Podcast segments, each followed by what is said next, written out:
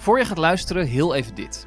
In de nieuwe podcast Veldheren neem ik, Jos de Groot, jou iedere donderdag mee voorbij de frontlijn in Oekraïne.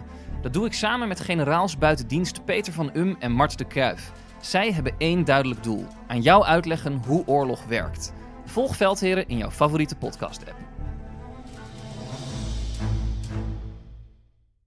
Dit is De Lange Termijn, een wekelijkse podcast over investeren in aandelen, startups en crypto. Waarin Twan en Jasper jou bijpraten over alles wat er in de markt is gebeurd, hun beste ideeën en hun grootste fouten. Dit is geen financieel advies. Doe dus altijd zelf je eigen onderzoek. En voor inzicht in ons portfolio ga naar delangetermijn.nl. Twan, hoe was het op de Veluwe de afgelopen week? Niet geweest. Nee, een keertje overgeslagen. heb een keertje overgeslagen. Ja? Ja, joh, ziek. Nee, eh, nee niet, in de beurs, niet, in, niet in de beurs. Niet in, In de beurs geweest. niet in de beurs geweest. Beurs? Ah, daar ben ik vroeg veel geweest. Nee, In ja? Rotterdam, ja. Eh, heel Oh. ander verhaal. Maar niet, niet de beurs in Amsterdam. Niet ik vind het Nee, beursplein. nee, ja, nee, daar lig ik nu tegenwoordig voor de deur met mijn slaapzak. Ja? ja, en mijn bakje met eh, geef me wat geld, want alles daalt. Ik vang alleen maar vallende messen op, dus eh, iedereen, ik krijg van iedereen handschoenen. maar, Moet je afleren ook, begreep ik. Vallende messen. Slecht voor je. ja, weet je wat mensen moeten afleren? Laten we dit. en stil door. en door. Hey, maar even, nu, nu ik, ik merk, je zit in de, je zit in de vibe, hè? Je hebt, je hebt de vuur, het vuur te pakken. Mhm. Ik begreep vorige week dat jij... Oh, daar valt een baboekom hier gelopen. ik begreep vorige week dat jij eh, een, eh, op het land wil gaan wonen, uiteindelijk. Zo'n soort boshut wil Op gaan het hebben. land. Ja, op het land. Ja, nou, ja, je zei letterlijk, ik wil groenten gaan verbouwen, dat soort zaken. Ja, ja, ja, nou ja, goed. Bedoel, ik, ik weet niet hoe vaak ik het al heb gezegd in de podcast. Minimaal één keer, denk ik. Maar eh, ja, ja, natuur. Ik merk, ik weet niet of dat mijn leeftijd is, maar eh, geen idee. Eh, ik heb steeds meer behoefte aan, eh, aan natuur. En ik, ik vind mezelf ook steeds meer op, de Veluwe. Ja, joh. Joh. Ja, nooit over gehoord. Maar ehm, eh, nee, ja, dus een, een idee wat ik eigenlijk sinds de afgelopen vijf jaar heb. En daarvoor echt, nou ja, ik zei op Twitter van walgde. En toen kreeg ik een opmerking van iemand die zei van... hoe durf je dat in je mond te nemen in deze context? maar daar moest ik echt niet aan denken vijf jaar geleden... om een hutje ergens aan de rand van een bos te hebben. Ja. En gewoon rust, ruimte, eh, natuur. Weet je wel, ik merk ook gewoon dat als ik boswandelingen doe en zo... dat ik dan niet het drankje, maar gewoon echt een boswandeling... Zo. Ja, dat is vies. Eh, dat ik dan gewoon echt tot rust kom, eh, kom en uit mijn hoofd kom. Mhm. Dus, eh, en ik merk ook gewoon dat mijn dochter goed doet en mijn vriendin en dergelijke. Dus ja, ik zou, nou dat is ten eerste, ik zou dat, dat hutje willen. Ben ik ook wel echt naar aan het kijken. En mijn schoonouders hebben er ook een. Ehm, maar ook met dat hele verbouwen van groente, fruit en dat soort dingen, hoe dat dan ook allemaal werkt. Mijn zusje zit daar een beetje in, eh, zelf dingen verbouwen. Puur omdat ik nieuwsgierig ben van hoe werkt dat dan. Ik, weet niet, ik weet niet of je tijdens, ik weet niet wanneer dat was, dat hele ehm, dat onderwerp over de boeren. Wat vorig jaar of afgelopen jaar natuurlijk echt een hot item was. En dan gingen ze men- mensen interviewen op straat. Wat vind je ervan dat, eh, dat er zoveel boeren weg moeten? Ja, maar op mij tijd. Ik haal mijn eten toch in de supermarkt. ja, Ja, ja, ja, Om maar aan te geven, ik denk dat wij ook een beetje die connectie daarmee kwijt zijn. Dus ik ben gewoon nieuwsgierig daarin. Zoals ik met nu veel dingen nieuwsgierig ben. Eh, hoe, hoe werkt het dan? En eh, wat ik van mijn zusje allemaal meekrijg, is dat het toch allemaal niet zo simpel is. Eh, dus ja, dat lijkt me gewoon, ja, lijkt me gewoon interessant. Ik ben wel echt zen trouwens. Gewoon, ook als het maar een groentetuintje. Ja, ken een paar mensen die dat Ja. doen ook. Die zijn er gewoon het weekend, gaan ze één keer per weekend gaan ze erheen. Een beetje grondspitten, een beetje kijken hoe het werkt. ja het is Helemaal goed. tot rust. Het is goed voor je met je handen in de aarde, letterlijk aarde. Ja. dat schijnt ook, dat is ook wetenschappelijk bewezen voor mensen die stress krijgen van hun beleggingen. Ja, die moet een groentetuintje op zitten. Nee, maar het is ook echt bewezen dat als je met je handen in de aarde zit en, en gewoon blote voet op het gras en zo, dat, dat er dus ook echt iets in je lichaam gebeurt waardoor je stress afneemt. Nee, dat, dat is wetenschappelijk Nee, bewezen. dat is. Maar ik zie nu een beeld voor me dat mensen deze aflevering luisteren. Stress hebben omdat Adjana valt dan ook weer eens flink getaald is. En dan een boom gaan knuffelen. Nee, dat ze volgende week echt op de grond zitten. Dus met een handen morgen en van jongens, ik ben aan het stressen. ja, wie weet. En dan zijn wij weer de schuldigen hier. Je kan er niet slechter van worden, denk ik. Nee, ja, oké. Denk ik. Nou, ik ben benieuwd. Dat, Ja. eh, het klinkt wel leuk in ieder geval. Ja, hebben we nou weer vijf minuten o- niet over beleggen gehad? Ja, ja nou ja, we moeten een beetje onze, onze rol invullen van eh, borrelen en een beetje beleggen. dus, eh, maar laten we ook... Oké, waar gaan we het over hebben? Laten we hem aftrappen dan. Ja, we gaan het vandaag eventjes hebben over eh, je rijker voelen, Ja? maar toch steeds armer worden. Hm. En nou ja, dat is een beetje een sensationele titel misschien, maar waar ik de laatste tijd naar ben gaan kijken, eh, zoals zoveel dingen en er eigenlijk ook al een paar jaar mee speel, en dat is eigenlijk sinds 2020 gekomen, dat het toen een hot item was, eh, hoe dat nou werkt met Weet je wel, wat ze al vaak zeggen van... Oh, ze zetten de printers weer aan en eh, we krijgen eh, een enorme boom in eh, liquiditeit. Dat was toen zo. Waar gaat het dan heen? En daarmee gemoeid de issue van... Het kan zo zijn, nou dan verklap ik het al een beetje... maar het kan zo zijn dat je in rendement erop vooruit gaat... Mhm. Dus omdat de koersen stijgen, dus de prijs van iets stijgt. Maar dat je toch minder waarde hebt. Omdat eh, ja, de hele taart van assets en dergelijke zo hard groeit. Goed voorbeeld is huizen. Ja. Eh, en dat je daar bijna niet meer tegenop kan werken en beleggen. En daar gaan we even naar kijken, naar de, geldvoor, de relatie van de geldvoorraad. Hoe die gegroeid is in de afgelopen jaren versus hoe de beurzen en dergelijke het hebben gedaan. En ook wat verder teruggekeken naar de jaren tachtig. Wel een, een, een hoopvol verhaal? Of gaan mensen dadelijk echt naar deze aflevering de mond Nee, dat is een hoopvol verhaal. met handen in de modder zitten Ja. en... eh Nee, ja. dan vraag ik er nu op, hè?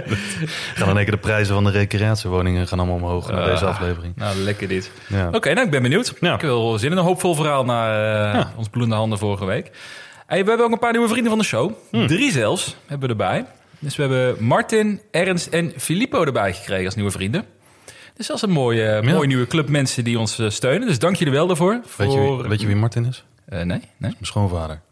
Nice, goed geregeld. Ja, dat heb je het goed geregeld. Ik zei dokken. Je weet wat je schoonzoon doet, dan dokken. Ja, of hij vond me zo zielig. Hier heb je 27,50. Doe er wat leuks mee. Doe, eh, nou ja, heb je toch weer, wat is het, 120ste agent bijna. ja, hey, eh, positieve kijk, positieve. Ja. Maar een vriend van de show, dat is 2,50 per maand. Krijg je een extra aflevering in de week. Vorige Ja. week was ook een leuke, hè? Was best wel een open aflevering ook. Over onze portfolio's die echt min 60% zijn gegaan in het verleden. Leuke reacties op gehad.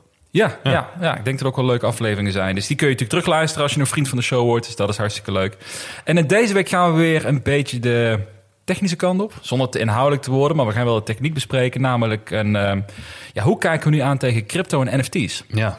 En de reden waarom is, we horen eigenlijk niemand meer erover. Nee, het, is, het lijkt wel helemaal dood. Ja, hè? Tenzij Ja. de prijs natuurlijk van sommige van de koers van sommige van die dingen weer, eh, weet ik veel. Het is, dan is het 30% gedaald, stijgt het 4% en dan is het echt, yo, we gaan maar aan. Ja, bull market. En dan de volgende dag is het er voorbij. Nee, maar het leuke is, we zitten er natuurlijk allebei in. Ja. Eh, je, volgens mij zijn een paar weken geleden ook van... joh, achter de schermen wordt er behoorlijk geknald aan NFT-projecten. had je wat dingen van gehoord. Dus ik denk dat het leuk is om daar eens nu naar te kijken van... in alle stilte, wat gebeurt er nou? En wat is vanuit een beleggersperspectief daarin misschien interessanter? Ja. Dus eh, stille momenten zijn vaak de momenten waar, je op je, waar de kansen komen, denk ik. Ja, Dus, eh, winter. Over eh, winter gesproken. Portfolio's. Ja, nou dat is nog niet echt winter bij mij, maar bijna 27% Ja. in de plus. Het enige wat ik heb gedaan is een vallend mes genaamd Adyen opgevangen. Ja. ja. Ja, dit deed geen pijn. Als een van de miljoen Nederlanders die Adyen gekocht heeft. Nummer één gekocht eh, aandeel zag ik bij de Giro. Ja, bij de Giro, ja. Ja. ja. dat zal bij velen zijn zo, ja. Maar ja, het is misschien een beetje de most crowded trade op dit moment. Maar Ja, ja, ja. ik, eh, ik stap er ook in. Want ik ben nog steeds positie aan het opbouwen. En ik heb, sta nu op, denk ik, de helft van de positie die ik wil. Oh, dus ik heb nog wel even te gaan. Oh, grappig. Ik zit ook op 50% ja, van de Ja? positie. Ja, ja. Ook Wat is, je, vandaag, wat is eh, je gemiddelde aankoopkoers nu dan? eh, ik zit nu op 6,80 geloof ik. 680? Ja? 6,88. Serieus? Ja? Hey, Oh. jongen, ik ben geduldig. Maar je eerste, wat- was je eerste Ja, instap dan? Ik, zou, ik zou je een tip geven. Je moet altijd 5 tot Oh, 14 joh, hou dagen wachten. Wat als je koopt. Hey, Jasper Buffett, hou je op. Als je maar geduldig bent, dan komt het goed. Nee, ik was best, ik was best wel laat ingestapt natuurlijk. Op 7,30 de eerste. Oh, dan heb je Toen, best wel eh, wat bijgelegd om dat zo naar beneden te krijgen. Want hij staat nu op 650, zoiets. Ja, ja zoiets. Ja, Ja, ja ik heb 6,50 nog bijgekocht. Op 6,75 bijgekocht. Oh, ja. mij zit ik eens rond de 6,80 of zo. Netjes. Nee, ik zit op eh, rond de 730, dus dat doe ik dan eh, iets slechter. Nou ja, ja. nou ja, nou ja hè? Kan ik erover zeggen, kneus. 5 tot 14, nee, nee, laten we zitten.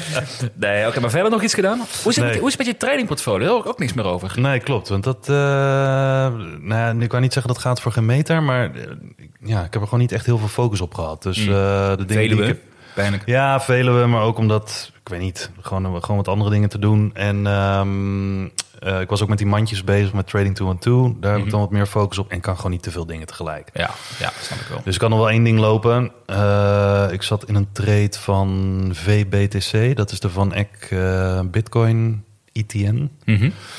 Eh, daar hebben we een klein eh, dingetje mee gedaan. Van, wat was het, toen hij op 12,60 euro stond en nu staat hij op 13,90 of zo. Ja, dus dat was Oké, een nou. lekkere, lekkere stijging. Even meegepakt, gelijk verkocht. Ja, toch even 10% in het Ja. zakje. Ja. Dus nu eh, gewoon goed cash. Nou ja, ik snap het wel. Het, is ook niet echt, het, het voelt ook niet echt als de markt om te gaan speculeren, te veel te speculeren. Nee, Vind- nee ik vind het lastig. Ja, hè? Ja, ik vind het echt heel lastig. Het is echt onvoorspelbaar. Maar ja, dat is het altijd natuurlijk. Maar eh, nee, dus verder niks gedaan. Oké, nou, jij? valt mee. Nou, ik heb dus wel dus Adyen een beetje bijgekocht, dus dat gaat wel eh, prima. Ik blijf lekker kopen. Ik heb nu wel... Ik had eigenlijk eh, besloten, eh, ik heb er al weken van tevoren besloten wanneer, hoe ik dit wil aanpakken met Adyen. Om zo weinig mogelijk van die emotie erin te krijgen. Want je, je, je merkt nu natuurlijk al, wil jij lezen ook Twitter, dat er, er zijn natuurlijk ontzettend veel meningen nu over Adyen. Wanneer moet je kopen, moet je nog wachten en wat dan ook. Ja. Dus het, het- het gaat best wel, best wel fel, omdat je merkt dat veel mensen iets met Adyen hebben. Ja, Ehm, dus ik had van tevoren goed beschreven wat ik wilde doen erin. Alleen ik merk wel, ik had niet verwacht dat het zo snel al zou dalen. Bedoel, Het staat bijna op de IPO-prijs, of de eerste Ja. dag na IPO. En ik had eigenlijk mijn doel om, nou vandaag op 6,50 bijgekocht. Mijn laatste inkoop zou eigenlijk 6,20 zijn. Dat was voor mij echt vol agressiemodus. Heb ik Ja. in YouTube-video ook gezegd. 6,20 is echt vol agressief, volle positie go. is dat nu veranderd? Nou, ik, ik denk wel dat ik word iets conservatiever. Ik blijf wel kopen Ja. op 6,20, maar ik ga wel een beetje cash overhouden als hij nog eens lager gaat. Dit is Omdat- bizar toch? Dat je, heel veel mensen zeggen, je moet een plan hebben en dat moet je uitvoeren. Ja. Maar gaandeweg pas je het toch aan. Mhm. En dan eh, er is een goed plan natuurlijk, tenminste in mijn ogen is een goed plan niet dat je besluit om te kopen op bepaalde niveaus en dan omdat je bang bent dat het nog verder zakt, dat je dan wacht. Ja, Maar ja, ja. niveaus naar beneden leggen vind ik alsnog dan wel beter dan gewoon wachten en niks doen. Ehm, maar het is toch, hè, prijs bepaalt toch wel hoe agressief of conservatief die wordt. Ja, maar ik denk dat dat wel terecht is. Ik denk, maar Ja. misschien, misschien een nuance daarin, want dat vind ik een heel leuk punt wat je, wat je aansnijdt. De mm, prijs bepaalt inderdaad hoe agressief of conservatief je wordt in die zin. Maar ik denk dat prijs nooit moet bepalen wat je denkt van een bedrijf. Of je het bedrijf aantrekkelijk vindt, ja of nee. Nee. Nou, dat merk ik nu best veel. En dat is in dit geval Adyen, maar het hebben we het verleden gezien met Meta bijvoorbeeld. Ja. Is als de koers stevig daalt, krijgen mensen natuurlijk steeds meer twijfel of ze het aandeel nog willen hebben. Waar ze een maand geleden super enthousiast over waren. Ja. En dan maak je denk ik wel een fout. Ja, en niet alleen in die zin de prijs, maar ik denk ook dat wat heel erg meespeelt is eh, de snelheid waarmee, waarmee het gaat. Want hoe sneller het daalt en hoe sneller het weer omdraait, hoe minder mensen pijn ervaren, zeg maar, of hoe, min- hoe minder lang. Ja. Maar zoals nu, we zitten nu op dag 29 of zo. Sinds de eerste daling, zoiets, weet ik veel. Ik heb geen idee, maar het duurt langer dan veel mensen denken. En het Ja. blijft nog steeds dalen. Dus dat, is, dat, maakt de onzekerheid. Denk Ja. van, hé, hey, het draait niet om. En ik zit heel lang met deze pijn. Of met deze twijfel, of wat dan ook je positie Ja. is. Maar ik denk dat dat, eh, ja, weet je, tijd is gewoon wat dat betreft ook wel een, eh, een goede factor erin. Ja, ik heb niet vaak aandelen gezien van het kaliber Adyen, laten we het zo zeggen. Wat zo'n lange periode zo constant lijkt Ja. te dalen. Dat niet Ja. even één weekje eh, 10% herstelt. Zeker na zo'n stevige daling wat er is geweest. Het blijft gewoon iedere week gewoon afzakken en afzakken. Ja, Dus, dus in dat kader, daarom zei ik van... ehm, eh, ik blijf gewoon kopen, want ik heb het al lang bepaald dat ik het aandeel wil hebben... en dat ik een volle positie wil innemen. Alleen omdat het dus nu zo agressief gaat met die daling... Ja. Zo, zoveel sneller dan ik had verwacht... eh, wil ik één extra ruimte inbouwen om daar, daar te kunnen kopen Ja. ook nog. Ja. Eén. Ja, snap Omdat ik ik. denk dat het de kans groter is dan ik een maand geleden dacht... dat het dat punt zou kunnen Ja. gaan bereiken. Had ik niet verwacht een maand geleden. ja Dus, doe eh, ik denk ik ook. Ja? Wat heb jij? het laatste Ja? plukje dan. Wat is jouw, heb je dan een laatste plukje bepaald? Zeg maar, op welk prijspunt je denkt van dat wordt mijn laatste? Ja, vijf, rond de 5,60. Oké. Ja, want volgens mij is het 65, daar zit nog een bodem ergens op een maandgrafiek. Eh, nou ja, dat, dat klinkt nu als heel laag. Maar ja, toen we net, net de eerste daling hadden gehad, net boven de negen, wat is het, 1000 tot 900, die, die, die inzakker. Ja. Ja, wie had gezegd dat het op 650 zou komen? En dan zullen Ja. mensen zeggen, ja, dat heb ik de hele tijd gezegd. Oké, Ja. nou, had, je, had je moeten bellen. Dus, Je moet de bellen inderdaad. Nee, dus- Pas op wat je vraagt, hè? nee, dus rond de, eh, tussen de 550 en de 570 of zo. Daar heb ik de laatste staan. range, ja, ja. Ja. precies. Nou, ik ben benieuwd. Ik denk dat het... eh, ik denk wel, dat gaat wel een tijdje duren voordat dit zich gaat herstellen. Ja. In onze glazen bol eh, Ja. natuurlijk. Maar ja, het is natuurlijk één keer per half jaar maar een update vanuit hen. Ja, Wel een investorpresentatie geloof ik volgende maand, als ik me niet vergis. november toch? Of november zelfs, ja. Volgens mij november, ja. Dat kan toch interessant zijn. Maar goed, we gaan zien wat dat gaat, eh, gaat brengen. En de lange termijn portfolio? En je had nog wel wat meer gedaan, toch? Oh ja, ja ook Ja. nog. Ja, een kleintje. Ja, dat is misschien leuk als, als voorloper straks op de, onze vriend van de show aflevering. Nee, ik heb eh, Polygon verkocht met crypto. Ja. Eh, ik heb Ethereum gekocht. Oh. Eh, ik ga niet helemaal in de diepte waarom dat zo is, maar er zijn wat dingen veranderd bij Polygon, waardoor het iets minder past bij wat ik daarmee had verwacht. Dat was eigenlijk echt een NFT-play voor mij. Alleen ze gaan nu Eh, Polygon gaat hun, hun currency omgooien. Het was Matic, het wordt nu Pol. Alleen Pol wordt niet meer gebruikt voor het verbranden van NFT's. Maar als, als currency voor NFT's. Ah, Oké. En dat was een beetje mijn reden waarom ik Polygon had. Nou goed, la- lang verhaal kort. Ze hebben een aanpassing gemaakt en daar sta ik niet helemaal achter. En ik ben, begin steeds meer te worden. dat Ik denk van ja, je kunt soms beter gewoon gaan voor de grote spelers. Ja. In plaats van weer een altcoin, weer een klein speculatieve play. Dus gewoon Bitcoin, Ethereum. Ja. Ik ben jouw portfolio een beetje aan het kopiëren trouwens. Hè? Besef ik me nu eigenlijk. Nou ja, maar misschien komen heel veel mensen op dit soort dingen terecht hè, na verloop van tijd. Dat kan. ja, Ik bedoel, zo. eh, de kudde trekt toch allemaal een beetje dezelfde kant op. En ik heb dit ook ervaren. Dus eh, ja, vandaar dat ik ook alleen maar in Bitcoin en Ethereum zit. Nou, als ik over eh, 20 jaar ook jouw gemiddelde rendement haal, dan ben ik wel tevreden. Ik heb trouwens wel, ik dat weer over na te denken. Eh, jij staat nu weer op plus eh 27% bijna. Ik sta op min 21%. Eigenlijk is dat, misschien is dat ook wel goed zo. Het is goed zo. het, is, goed zo, Nee, maar dit, dit is balans. Beetje, je- weet je, yin-yang verhaal, zeg maar. Kijk, ik zat er wel over na te denken. Van wat als deze podcast hadden... en we hadden allebei plus 30% het hele jaar. Ja. En iemand luistert ernaar, die staat min 20%. Die denkt, ja, die gast, dat zal wel. Ze Ja. halen plus 30, ik snap er niks van, kan niet meekomen, wat dan ook. Eigenlijk represent ik de mensen die dus in de min staan dit jaar. Ja. Stiekem, ik wil niet overdrijven... stiekem ben ik eigenlijk een soort moderne Gandhi. Zo'n moderne Gandhi die zegt van, weet je wat? Ik offer mezelf op. Ik maak de fouten, jullie niet hoeven te maken. Ik sta met 20%. Uh, whatever works. whatever works for you. Whatever rocks your boat. dat wilde ik, ja. Nee, heel mooi man. En dan hebben we het eh, lange termijn portfolio wat er tussenin zit. Dus die heeft dan ook weer een mooie represent voor... eh, ja, niet de helemaal, gemiddelde. Niet helemaal de Gandhi, maar eh, misschien. Nee. Maar wat hebben die gedaan trouwens? Nou, de, de, het lange termijn portfolio staat op eh 13,5% ongeveer. Mhm. Ehm, ja, dat, dat- gaat ook natuurlijk de hele tijd op en neer. Dus heb even niet opgeschreven wat, eh, wat eh, de toppers zijn nu en wat eh, de dalers zijn. Maar dat, dat kunnen mensen natuurlijk zelf in het portfolio bekijken. Maar ik vind het ook wel opvallend dat daar zit niks van crypto in of wat dan ook. Maar toch best wel wat technamen. Dus die, die hebben ook echt wel last van deze daling.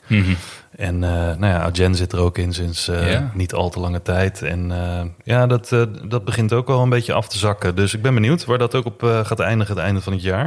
Ik heb wel zorgen te maken voor Blok. Ja, Blok. Ja, die eh, gaat op het eh shoppingblok, denk ja, ik. die gaat, uiteindelijk ga je toch meemaken dat die eruit flikken als het Ja. doorgaat. Want het Ja, gaat niet... Prima. Dan heb ik dat niet op mijn geweten in ieder geval. ja, dat is ook zo. Zullen we het hebben over het centrale onderwerp? Ja. Het positivisme erin brengen. Yes. Optimisme. Hoe, dat we toch... We worden met z'n allen armer. Nee, waar, ik, waar ik al een tijdje naar kijk is... ehm, en heel simpel gezegd. Ik denk, en dat neem ik aan, want dat doe ik zelf ook... en mensen die ik spreek ook... de meeste mensen die werken, sparen en beleggen... om er in de toekomst rijker van te worden. Hè? Want als je dat niet wil, dan geef je gewoon nu alles uit. Boeien, maakt het uit met die beleggingen. No one cares. En voor mij, voor mij geldt eigenlijk dat rijker worden betekent niks anders voor mij. Ja, rijker zullen mensen zeggen van oh, gezondheid, dan ben je ook rijker en je familie om je heen. en zo. Ik bedoel financieel gewoon financieel rijker. Ja, ja. Eh, dat je het ruimer hebt in de toekomst dan dat je het nu hebt. En waarom wil ik het ruimer hebben in de toekomst dan nu? Eh, omdat ik in de toekomst een minimaal dezelfde levensstijl wil bepalen. Ja. En omdat je in de toekomst minder potentieel hebt voor jezelf om nog te verdienen. Ja. Weet je, dus dat, dat is deels compensatie, maar deels ook. Ik wil gewoon een goede levensstijl hebben.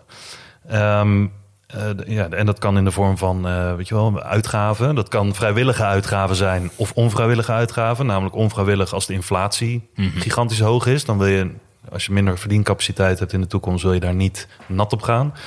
Eh, maar je wil misschien ook dingen zoals eh, een aanbetaling voor een woning. Hè, wij huren allebei, dus uiteindelijk wil ik ook een huis gaan kopen. Nou, dat, dat, dat is dan ook belangrijk dat ik daar eh, rendement op heb op mijn beleggingen om dat uiteindelijk te kunnen doen. En als er een nieuwe auto moet komen, vakanties, alles wat bij je levensstijl hoort. Je wil er eigenlijk gewoon geen zorgen over maken, toch? Als je later, als je Ja. later ouder bent. Inderdaad. Dus hoe, hoe groter dat belegde vermogen, hoe comfortabeler, eh, comfortabeler ik dan ben in de toekomst. Ja.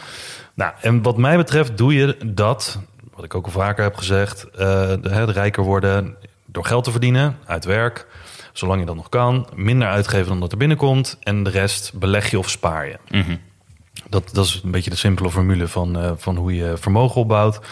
Ehm, en ik denk dat iedereen zich over het algemeen rijker voelt. Ehm, hè, door de, nou, een beetje kort door de bocht, maar iedereen voelt zich rijker. En dat merken ook al veel mensen om me heen. Als hun inkomen harder groeit dan de kosten. Hè, met de kosten zijn ook inflatie gemoeid natuurlijk. Dus heel veel mensen zeggen, nou, zolang ik er maar in salarisverhoging of mijn inkomen uit mijn eigen zaak eh, meer op vooruit ga per jaar dan dat mijn kosten erop eh, vooruit gaan of de kosten st- stijgen, nou, dan, dan word ik rijker als ik daar goed mee beleg. Ehm, en wat je belegt, wil je rendement op hebben, liefst positief rendement. Ja, gaan we zo beginnen? Ja, ja, ja. Oké, Nee, maar liefst positief rendement. maar ondanks dat je positief rendement kan hebben, kan je er toch op achteruit gaan. En hè, de- de- om een voorbeeld te geven zometeen. En alvast te zeggen, dit, is iets, dit zijn mijn hersenspinsels. Dus er zullen hier enorm veel gaten in zitten. Het is een beetje zo'n uiteenzetting van hetzelfde discussiepunt als het kopen van een huis. Er zijn heel veel mensen die hebben meningen. Het is een hele persoonlijke situatie. Maar neem dit even kort door de bocht, gewoon als een algemeenheid. Ehm, dat als je rendement positief is, kun je er toch op achteruit gaan. Waarom is dat dan? Nou, goed voorbeeld, even als inleiding. Stel je zit met drie, drie vrienden op de bank, je zit lekker te gamen, je hebt honger. Een van je vrienden zegt van, eh, nou, ik ga wel even naar buiten, ik ga wel even pizza halen. Kom terug met een pizza, snijdt hem in vier stukken. Hè, voor elk een vierde, prima. Nou, dat is niet genoeg natuurlijk. We eerlijk zijn. vriend trouwens, dat hij met één pizza terugkomt, maar oké. Verbannen. Eikel. Dus eh, de andere vriend zegt van, nou, iedereen heeft nog honger. Ik ga wel naar buiten. Nou, kom terug met een twee keer zo grote pizza. Mhm. Dus jullie denken, ah, top, dat is relaxed. Hè? Jij denkt ook van, nou, ik heb nog honger. Mooi, die heeft een grotere pizza gehaald. Die snijdt hem niet in vier stukken, maar die snijdt hem in zes stukken. En jij krijgt een zesde van die pizza. Nou, in principe kan je zeggen, je zou blij moeten zijn, want dat stuk pizza is groter dan het stuk pizza wat je de vorige keer hebt gekregen. Hè, tien minuten daarvoor. Maar toch voel je je genaaid of achtergesteld, want je hebt maar 1,60 gekregen. En je andere twee vrienden hebben ook 1,60 gekregen. En die vriend die het gehaald heeft, die heeft gewoon lekker drie stukken gehouden, dus de helft van de pizza. Nou, in principe gaat het ook zo, in mijn beleving, met assets. Hè, wereldwijde assets. De, we hebben een, een pizza, die bestaat uit alle assets in de wereld. En die asset pizza, die groeit continu. En voor een groot deel wordt dat aangejaagd. Hoe groter die pizza wordt. eh, en hoe, hoe meer die, die assets waard worden, wordt voor een groot gedeelte aangejaagd door de verruiming en de expansie van de geldvoorraad. Hè, we weten allemaal in 2020 bijvoorbeeld. Eh, er werd volgens mij iets van 30 of 40 procent meer geld nou ja, bijgedrukt. Dat is een beetje een simpele term, maar vergeef me maar voor de simpelheid. Ehm, waar gaat dat dan heen? Nou, voor een groot gedeelte blijft het hangen in het bankaire systeem. Ehm, een deel komt in de economie terecht, maar ook weer niet gek veel. Maar je zou zeggen dat als er 40% meer geld bij komt in een jaar, waarom word ik dan niet 40% rijker? Omdat het allemaal verdeeld moet worden. Nou, dat komt eh, omdat het voor een groot gedeelte niet bij jou terechtkomt, maar voor een groot gedeelte in allerlei zaken, waaronder assets. Hè, huizen, aandelen, nou, dingen zoals goud, weet ik veel, dat soort dingen. Voornamelijk assets. Eh, en daar gaan we even naar kijken. En een manier om die groei van die pizza aan te geven is de M2 geldvoorraad. Noemen ze de M2 money eh, stok. Ehm, in dollars uitgedrukt in dit geval, omdat dat makkelijk is te vinden. Dus daar heb ik even naar gekeken. Sinds de midden jaren 80 is de geldvoorraad, dus M2 geldvoorraad, met 800% gestegen. 800%. 800% meer geld beschikbaar. Ja, meer geld dan- beschikbaar, uit het niets gecreëerd. Ja. Poef. En afvragen. Nou, Oké, dan kom je Ja? waarschijnlijk zo op inflatie, denk ik, of niet? Ja, Ja, oké. ja. Ehm 800% in ongeveer 40 jaar. Als je even kijkt hoe de lonen de, de, eh, vooruit zijn gegaan in de afgelopen 40 jaar. Ik weet niet precies hoeveel dat is, maar dat is lang geen 800 Nee, nee, nee. nee. Nou, dat is voor een groot gedeelte is dat naar assets gegaan. Alleen al in de afgelopen vijf jaar nam die geldvoorraad in dollars toe met bijna 50% Ik weet nog dat 50% in vijf ja, jaar? Ik weet nog dat eh, toen met corona dat heel Twitter vol stond met omdat je dat goed kan volgen in Amerika wordt altijd goed bijgehouden door de Fred, niet de Fed, maar de Fred. Eh, die website kan je gewoon checken, M2, M2 Money Stock en trouwens ook in TradingView. Ehm dat is de ticker M2SL Mhm. volgens mij uit mijn hoofd. Ja, volgens mij wel.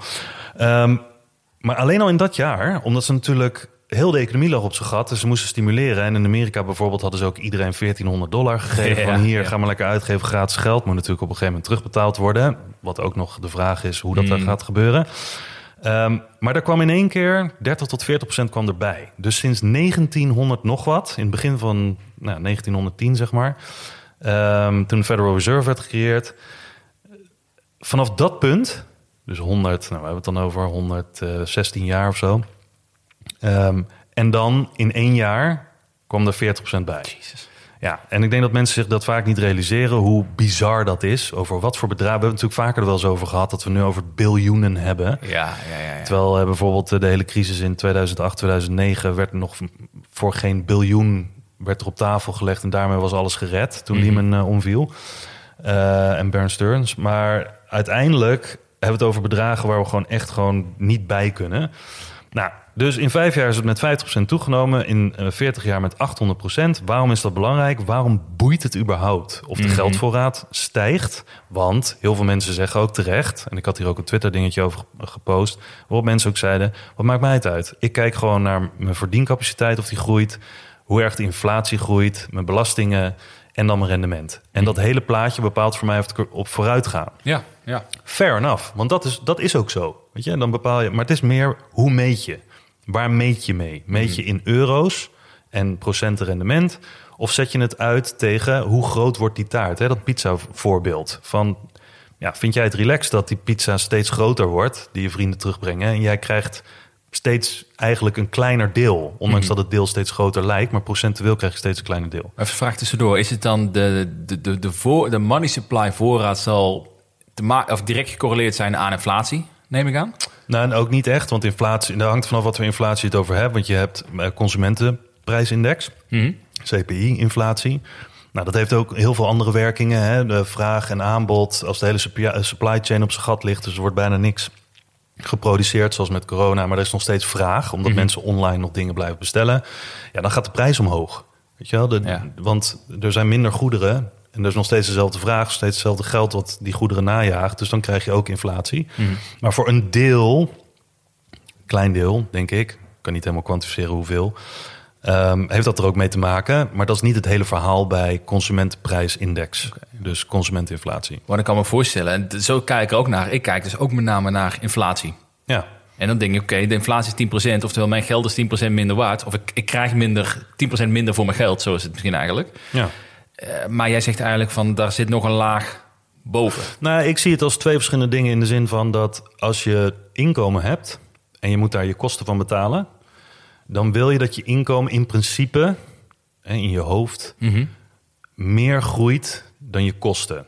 En al zou je niks anders kopen dan wat je altijd koopt, als door inflatie die kosten toch toenemen, omdat de producten duurder worden en de diensten die je afneemt duurder worden, dan wil je dat met je salaris kunnen blijven betalen. Ja.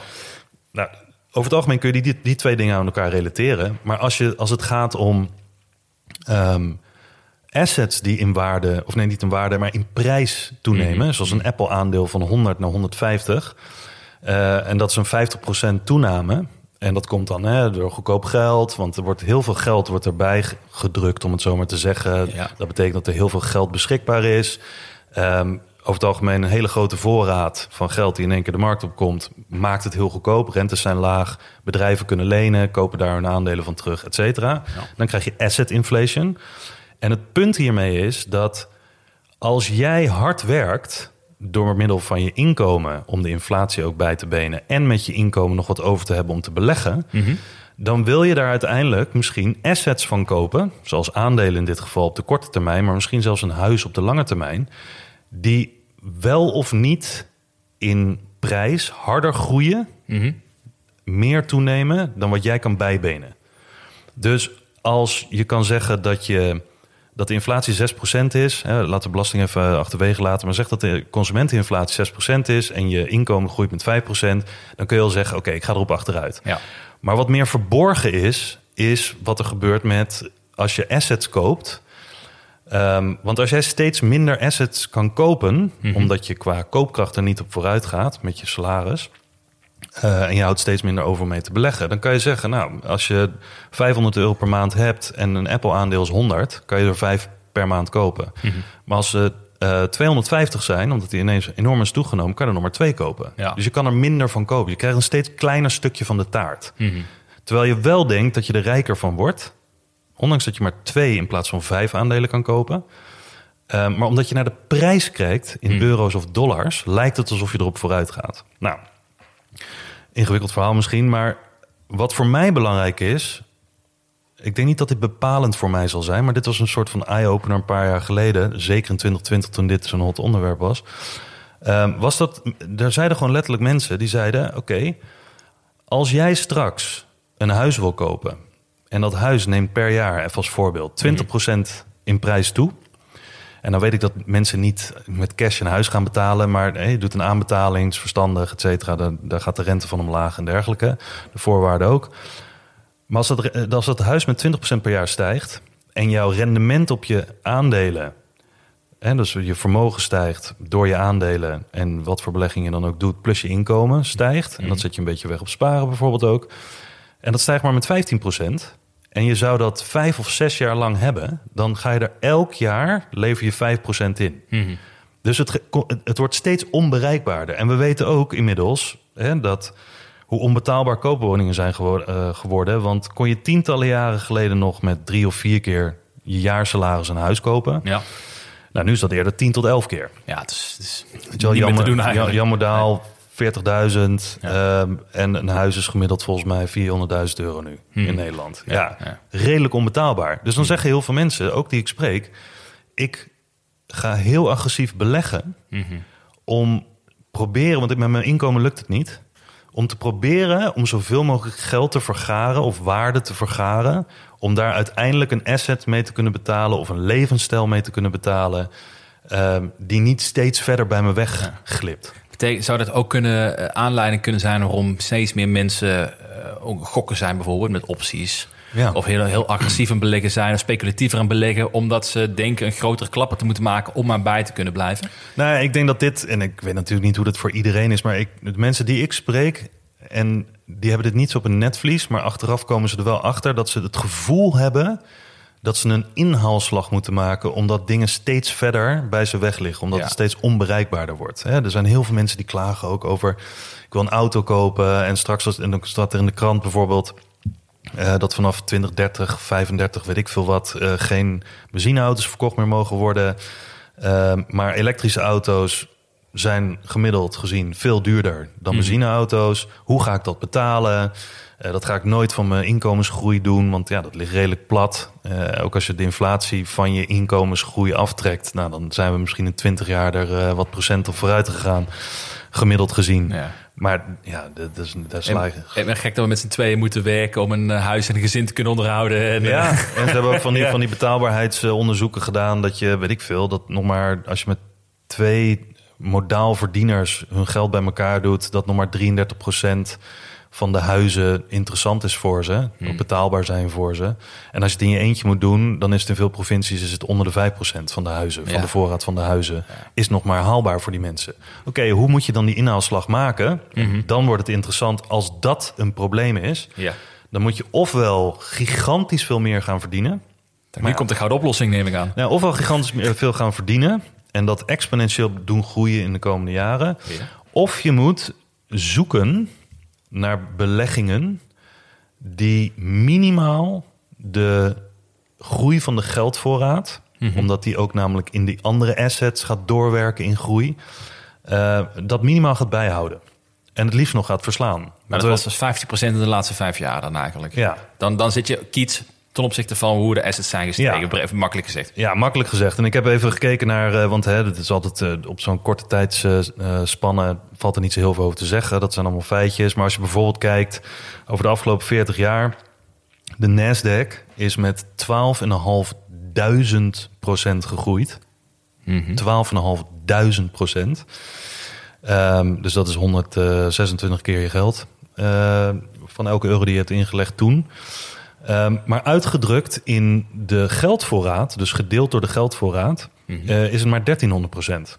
Dus eh, ja. die geldvoorraad is zodanig gestegen dat uiteindelijk ben je er in prijs op vooruit gegaan en een rendement. Ja. Maar de geldvoorraad is meegestegen, dus uiteindelijk netto is het 1300. En dit, is, dit zegt niks over, oh, is dat goed of is dat slecht? Maar dit houdt er meer, ehm, dit houdt meer verband met bepaalde assets die je onder elkaar kan zetten en zien wat er dan beter gewerkt heeft in tijden dat de geldvoorraad zo groeit. Ja. Nou, de Nasdaq is dus 1300% gegroeid in 40 jaar, uitgedrukt in M2. De S&P is met 2500% gestegen qua koers Maar uitgedrukt in M2 nog maar 185 procent. In, In 40 jaar. Dus je hebt er een heel klein beetje aan verdiend als het gaat uitsmeren. Misschien een procentje per jaar of zo. Ja, dus je hebt in feite ben je er rijker van geworden, maar in waarde mhm. ben je er maar 185 procent op vooruit gegaan. Dus je hebt niet, eigenlijk, je hebt niet ingeleverd. Dat is eigenlijk wat je hebt voor elkaar Nee. hebt gekregen bijna. Maar hetgene wat me het meest verbaasde, en dit is een beetje, hè, hier hou ik van, want Nu komt de gouden tip. nou, letterlijk de gouden tip. Nee. Want goud Ja?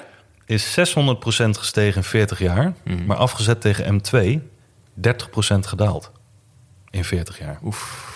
Nou ja, dus Maar dat, was toch de, de inflatie hedge, de money hedge. De, nou ja, de, de, de- zoals ik het altijd zei, of heel vaak zei, de geldontwaardingshedge. ja, ja, ja. Eh, omdat hoe meer geld, het behoudt altijd zijn waarde.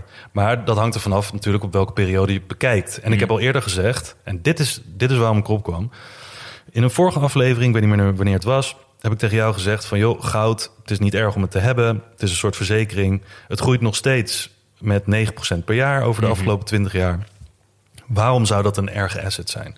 Maar als het een functie heeft, ten uitge- afgezet tegen eh, de S&P in dit geval en de Nasdaq en als je nog andere, als je eh, huizenindex en zo en dat soort dingen allemaal tegenover zet, dan krijg je dus een lijstje waarbij goud niet heel voordelig eruit komt. ja. Eh, het, heeft gewoon, het heeft gewoon niet zijn koopkracht in die zin behouden. Dus als, dat, is wel waar het voor eigenlijk voor bedoeld was, toch in die zin? ja, dus het andersom zou je is, kunnen eh, zeggen dat als je, goud, als je alleen maar goud had gehad in de afgelopen 40 jaar en je had dat hele bedrag ingelegd, 40 jaar geleden, dan had je nu met dat goud exponentieel minder van de S&P kunnen kopen. Ja. Dat, is, dat is gewoon het verhaal. En ook exponentieel minder huis Ja. kunnen Ja. kopen. En Ja. al die assets die je misschien najaagt. Dus in die zin is dat voor mij een eye-opener. Dat als ik kijk, wat, wat volgens mij Stanley Druckenmiller had, had gezegd of zo. Je moet kijken naar de fastest horse in the race. Mhm.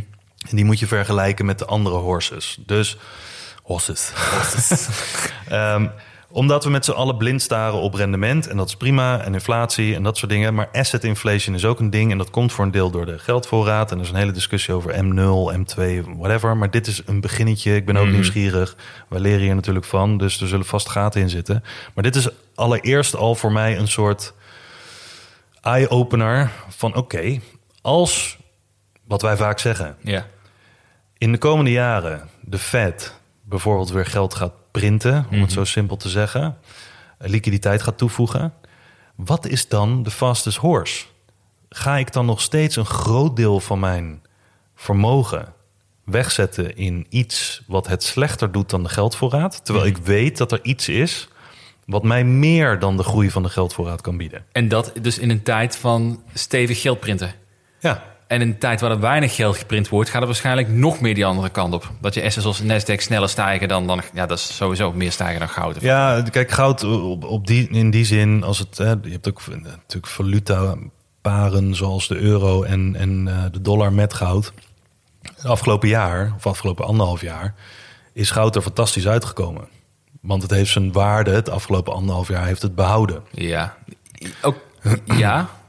Maar vergeleken met de Nasdaq bijvoorbeeld, Hm? Ook. met de S&P, Ja. maar het het is toch niet toch lang na niet hetzelfde resultaat. Goud van de Nee, maar de, stel, eh, pak de Nasdaq vanaf november 2021. Volgens mij staat hij nu op, eh, vanaf 2021 nu op min 5. In de afgelopen, wat is het, nou, waar hebben we het dan over? 18 maanden of zo? Staat in de min? Ja, want hij heeft zijn all-time high nog Oh, dat was de high. Oké, ja. Dat was de high in Ja, november oké. 21.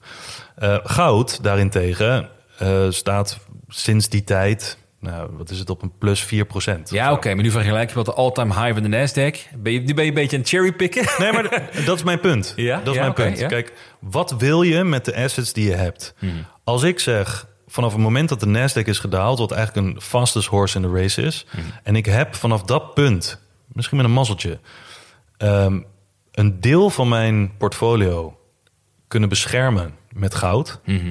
Doordat het 4% is gegroeid en de Nasdaq met 5, 6, 7% is afgenomen, dan heb ik, weet ik veel, 13% of zo, of 12, 13% eh, voordeel gehad. Maar dat heeft alleen zin als ik op dit moment, stel dat nu de liquiditeit weer de markt in zou schieten, en goud zou ook in prijs gaan stijgen, maar de Nasdaq stijgt veel harder, dan moet ik mijn goud omwisselen Ja. voor de Nasdaq. Waarom? Omdat dan, anders ben ik een dief van mijn eigen portemonnee. En de enige reden waarom ik dan nog goud zou hebben... is in het geval dat er zo'n event komt... dat alle centrale banken het weer gaan koppelen aan goud... omdat het vertrouwen in het geldsysteem weg is. Ja, en dat is natuurlijk... Dat is de enige reden dan. Ja, en dat is natuurlijk een enorme kleine kans, kan ik me voorstellen, dat gaat gebeuren. Nou ja, het, is, het, is een, het is een kans die aanwezig is en dan grote gevolgen heeft. Ja. Dat wel. Het is, het, het- het is zeker mogelijk. Maar er zijn omstandigheden die kunnen gaan veranderen in de komende tijd. En waarom zou je dan, waar we het vorige keer ook over Mhm. hebben gehad... ehm, waarom zou je dan dingen hebben die een soort opportunity cost hebben, eh, geven? Ja, ja, ja. En als ik weet dat ik over tien jaar bijvoorbeeld een huis ervan wil kopen... of een deel van een huis of zo'n boshuisje waar we het over gehad ja, hebben... ja. Gouden En die, en die stijgt veel meer dan dat goud stijgt. En ik heb een heel groot deel van goud weggezet om dat ervan te kunnen betalen. Dan loopt het steeds verder bij me weg. Mhm. Eh, en harder, veel harder in een tijd, zoals we ook in 2020 hebben gezien, waarin er ineens een enorme injectie komt. En dan zie je, zie, Ja. zie je alles als, als een raket omhoog vliegen. En goud, ja, die schiet dan ook omhoog, maar minder. Blijft achter. Maar eigenlijk, als ik je zo hoor als puur kijken naar goud... ik hoor eigenlijk nu geen goede reden meer om goud aan te houden. Want Hmm. ja, misschien de downside is een klein beetje lager... als je vergelijkt met de top van de Nasdaq, hè, waar, waar je het over hebt. Maar het is, eh, als er enorm geld geprint wordt... is het geen... eh, dan, dat zou het moment moeten zijn om te shinen. Nou, dat was het schijnbaar niet. Als, het, eh, als er heel strak gekat wordt, rentes worden verhoogd... zou je denken, misschien is dan een kans. Zien we ook niet dat de goud daarin echt, echt uitblinkt Nee. erin. Wat is dan de reden voor jou nog om goud aan te houden, als je het weet? Nou ja, kijk, Los van gevoel misschien. Nou ja, nou, dat is ook zeker belangrijk. Ik denk dat iedereen in zijn portfolio een bepaalde mix heeft waar hij zich prettig bij voelt. Heb je een anker, kan je wat meer risico aan de andere kant nemen. Want goud is ook niet iets wat verschrikkelijk op tijd van een jaar een drawdown heeft, bijvoorbeeld. Tuurlijk, als alles naar beneden gaat, dan gaat goud ook naar beneden. Maar over het algemeen minder dan de Nasdaq bijvoorbeeld. Dat kan als een soort mentale bescherming kan dat dienen. Dan heb je ook nog natuurlijk het het geval wat ik net noemde, als het als goud eh, geherwaardeerd gaat worden, omdat hè, de, de shit hits the fan in de wereld en weet ik veel wat. Maar dan geloof je in principe niet meer in het, de eh Fed of de centrale banken gaan in ieder geval liquiditeit toevoegen. Want op het moment dat goud geherwaardeerd wordt, eh, dan willen ze gewoon alle schulden er tegen wegstrepen. Ja. Nou, ik, begin steeds minder te geloven dat dat gaat gebeuren, maar het is nog steeds een kans. Maar daarom zijn dit soort dingen op zichzelf, en daarom krijg ik ook vaak opmerkingen erover, die heel terecht zijn. Waarom heb je dan goud? Of iemand anders zegt, want er zijn ook heel veel mensen die zeggen, waarom heb je de Nasdaq? Weet je, want de Nasdaq, ja tuurlijk, de fastest horse in the race, maar heeft ook de grootste drawdowns. Moet je ook tegen kunnen, moet je precies goed instappen, et cetera. Waarom neem je niet gewoon IBDA, want die is wat minder volatiel. Nou ja, in 40 jaar tijd plus 4% per jaar gemiddeld. Nasdaq. Nou, ja. Dus Met alle drawdowns erbij. Zo. Ja. Ah, sorry hè? Nee, dus, dus precies dat. Alles moet je zien in de context. En alles moet je zien waarom heb ik het. En daarom zal voor mij het anders zijn dan voor jou. Maar ook hè, afgezet tegen financiële situatie met inkomenspotentieel, leeftijd, gezinssituatie, noem het maar op. Ja. Maar goed realiserende wat je valkuilen zijn. Want is dit een verhaal wat ik aan mezelf vertel? Terwijl ik dit onderzoek heb gedaan en terwijl natuurlijk ook daar gaten in zitten, maar ik wel kan zeggen van, hm, de waarschijnlijkheid is wel dat de komende 30 jaar, afgezien van een enorm gaar event waardoor goud geherwaardeerd gaat worden, dat goud prima zal stijgen, maar dat ik misschien een dief van mijn eigen portemonnee ben, door niet in, onder de juiste omstandigheden, zoals in 2020 bijvoorbeeld, of zoals eigenlijk in de afgelopen, weet ik veel, hoeveel jaar sinds 2008, Ehm, je ziet de liquiditeit komen en dan ga je toch een deel van je portfolio op de trage trein zetten. Ja, ja. Dat, dat is hetgene waardoor ik, ik ga het nu niet gelijk verkopen, maar dit vind ik de interessante onderzoeken en conclusies, omdat ik, ik weet dat dit niet de hele waarheid is, maar dit zet me wel aan het denken. ja. Dus Voelde een beetje alsof je nu zeg maar thuis bent gekomen vanavond. Na je weekendje bij de Veluwe. En Waar- al je waar ik vrienden... ben geweest. Waar je niet bent geweest. maar- en als je thuis komt, dat al je vrienden daar zitten. Dan zeggen, Twan, dit is een interventie. Ik ga je eens even vertellen hoe het goud werkt. Maar dan zie je dat jij zegt, ik ben er niet klaar om bij de, de, de, de, Goud AA-club te gaan. Ja. Maar ik heb er zit wel een zaadje in je achterhoofd nu geplant. Zo'n gevoel heb ik een beetje. Ja, dat zit, er zit een zaadje in mijn achterhoofd, omdat ik me realiseer. En ik denk dat dit heel goed is als iedereen hier zelf ook mee aan de slag gaat met dit soort dingen. Als je het belangrijk vindt, tenminste. Want dat hoeft niet natuurlijk. Ehm, maar dat iedereen altijd aan de slag gaat om te proberen om zijn eigen verhalen te ontkrachten. Ja, ja. Want het kan prima zijn dat je tien jaar geleden dat verhaal had en terecht had. Of nu dat terecht hebt omdat er heel veel onzekerheid is. Maar als we over twee jaar weer volledig in een boelmarkt zitten en de sky is the limit. En over tien jaar komen we pas weer in de problemen. Ja, dan heb je nog acht jaar, hè, waar we het ook over hadden met die pensioenrekening. Dan heb je acht jaar in iets belegd waar je eigenlijk alleen maar in belegt omdat het verhaal toen klopte, maar nu niet meer. Ja, maar dat vind ik dus wel heel sterk. Want ik weet dat jij altijd een voorstander bent van goud. En Dat voor jou echt een, een, een, defensief onderdeel is van je, van je portfolio daarin. Maar het feit dat je daar toch gaat, gaat uitzoeken of die overtuiging wel correct is. Gewoon puur het kijken naar cijfers. Wat, Ja. wat zeggen de cijfers van de laatste 14 jaar? En heb ik wel gelijk? Ja. En als je ook bereid bent nu te gaan... eh, wat je zei, je gaat niet meteen morgen verkopen. Maar je gaat waarschijnlijk wel nadenken over... Je gaat misschien nog meer in verdiepen. Ja, nog meer verdiepen. Want nu heb je het zaadje, nu ga je Ja. denken, klopt, wat moet ik nou echt gaan doen? Dat vind ik wel goed, want anders blijf, kun je die blijven vasthouden aan je strategie met in je achterhoofd, ik, ik heb altijd goud. Maar. De vraag is of dat terecht is. Ja. Ja, en voor, dezelfde, lastig, hoor. en voor dezelfde regel kan je natuurlijk ook gewoon alles tegen elkaar afzetten. Want waarom, en ik zeg niet dat mensen dit niet moeten doen, want nogmaals, voor de meeste mensen is het prima. Maar IWDA, Ja. met zijn 10% per jaar, eh, zal ook niet maximaal pro- profiteren ervan. Ja. Zal ook niet maximaal last ervan hebben als het weer teruggetrokken wordt en je hebt de drawdowns en weet ik veel wat. Want inmiddels heeft hij van de week ook weer zijn all-time high, nieuwe all-time high aangetikt, IWDA. Ja. Nou, Nasdaq nog niet. Dus ik bedoel, mensen die in IWDA hebben geïnvesteerd zijn weer sneller terug. Ja.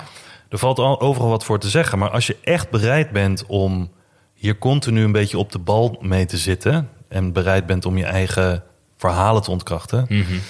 dan denk ik dat je steeds beter daarin wordt... eh, mits je ervoor zorgt dat dit verhaal en die openbaring... niet de komende vijf jaar weer gebeiteld zit... en denkt van, ah, nou, daar heb ik onderzoek naar gedaan. is prima. Eh, komende vijf jaar, ik ga alles omgooien... Eh, maar misschien dat het voor mij valideert dat ik niet 20% goud moet hebben, maar 10% goud. ja, dat kan ook een stap zijn. Misschien is dat Ja. genoeg. Ja. I don't know. Eh, de omstandigheden zijn er nu nog niet. Want Mhm. hè, de Fed heeft nog niet aangekondigd eh, dat ze volledig gaan draaien en dergelijke. Maar misschien is daar dan een soort starts- startschot. ja. Dus ja. Nou, ik ben benieuwd. Ik vind het wel sterk. Ik denk dat dat een hele uitda- een uitdaging is voor veel beleggers. Ik ken het zelf ook, dat je gewoon eh, dat je zo vast zit in je denkpatronen. Zeker in jouw geval, als je het echt al bijna 20 jaar doet ook. Dan heb je Ja. natuurlijk helemaal een overtuiging vastzitten. Kan ik me voorstellen. Of vastzitten. Je hebt er goed over nagedacht al een lange tijd. Om dat te gaan heroverwegen is volgens mij misschien wat het lastigste om te doen.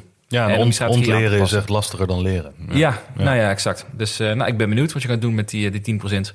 Wat je, vraag, wat je vraag gaat spelen. Wil Adyen is nog een kans wat dat betreft. Zou je, net, zou je net zien. En dan volgende week, oh, alle centrale banken die eh, gaan het herwaarderen. Huppakee, goud naar 15.000. Wat? Ja, maar ja, hè. Hè? Hè? Heb je nog steeds, heb je nog steeds Lesgeld. Heb je nog steeds uit je ja, lesgeld? Ah, weer zo'n verhaal. Oh, lekker dit.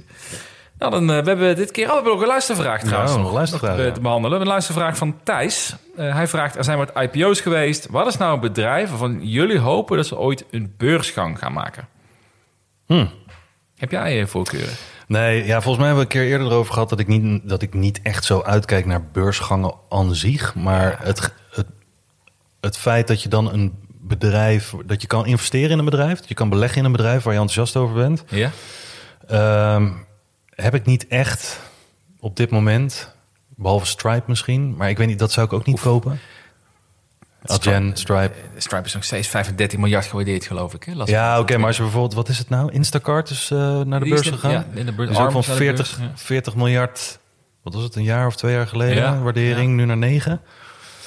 Ja, dat Dus- is wel een flinke taaltje. Ja, dus dan zou je ook kunnen zeggen van, eh, nou ja, dat is, eh, dat is prima een mooi instapmoment. Maar ik heb over het algemeen ook niet heel veel bedrijven waar ik naar kijk en dat ik denk, ah, dit vind ik zo'n tof bedrijf. Jammer dat ik hier, dit, hier nog geen aandeelhouder in kan zijn.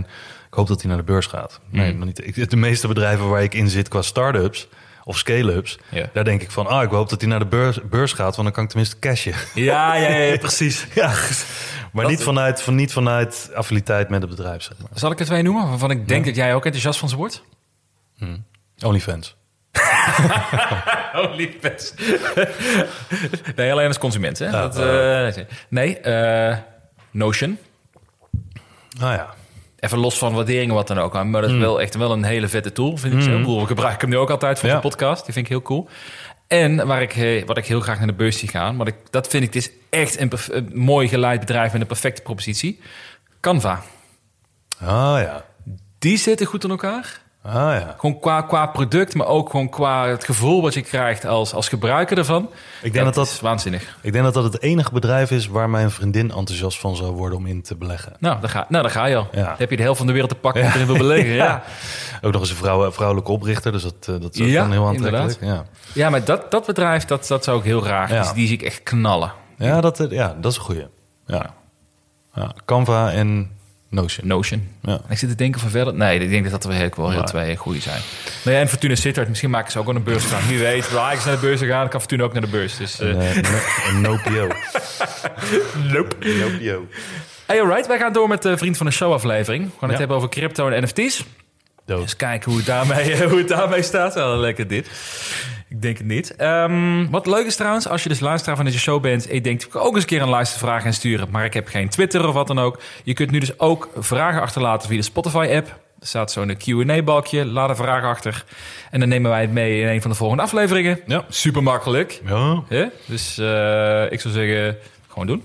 Ehm, wij gaan afronden. Ik zou zeggen, dankjewel allemaal voor het luisteren. En Tot de volgende week.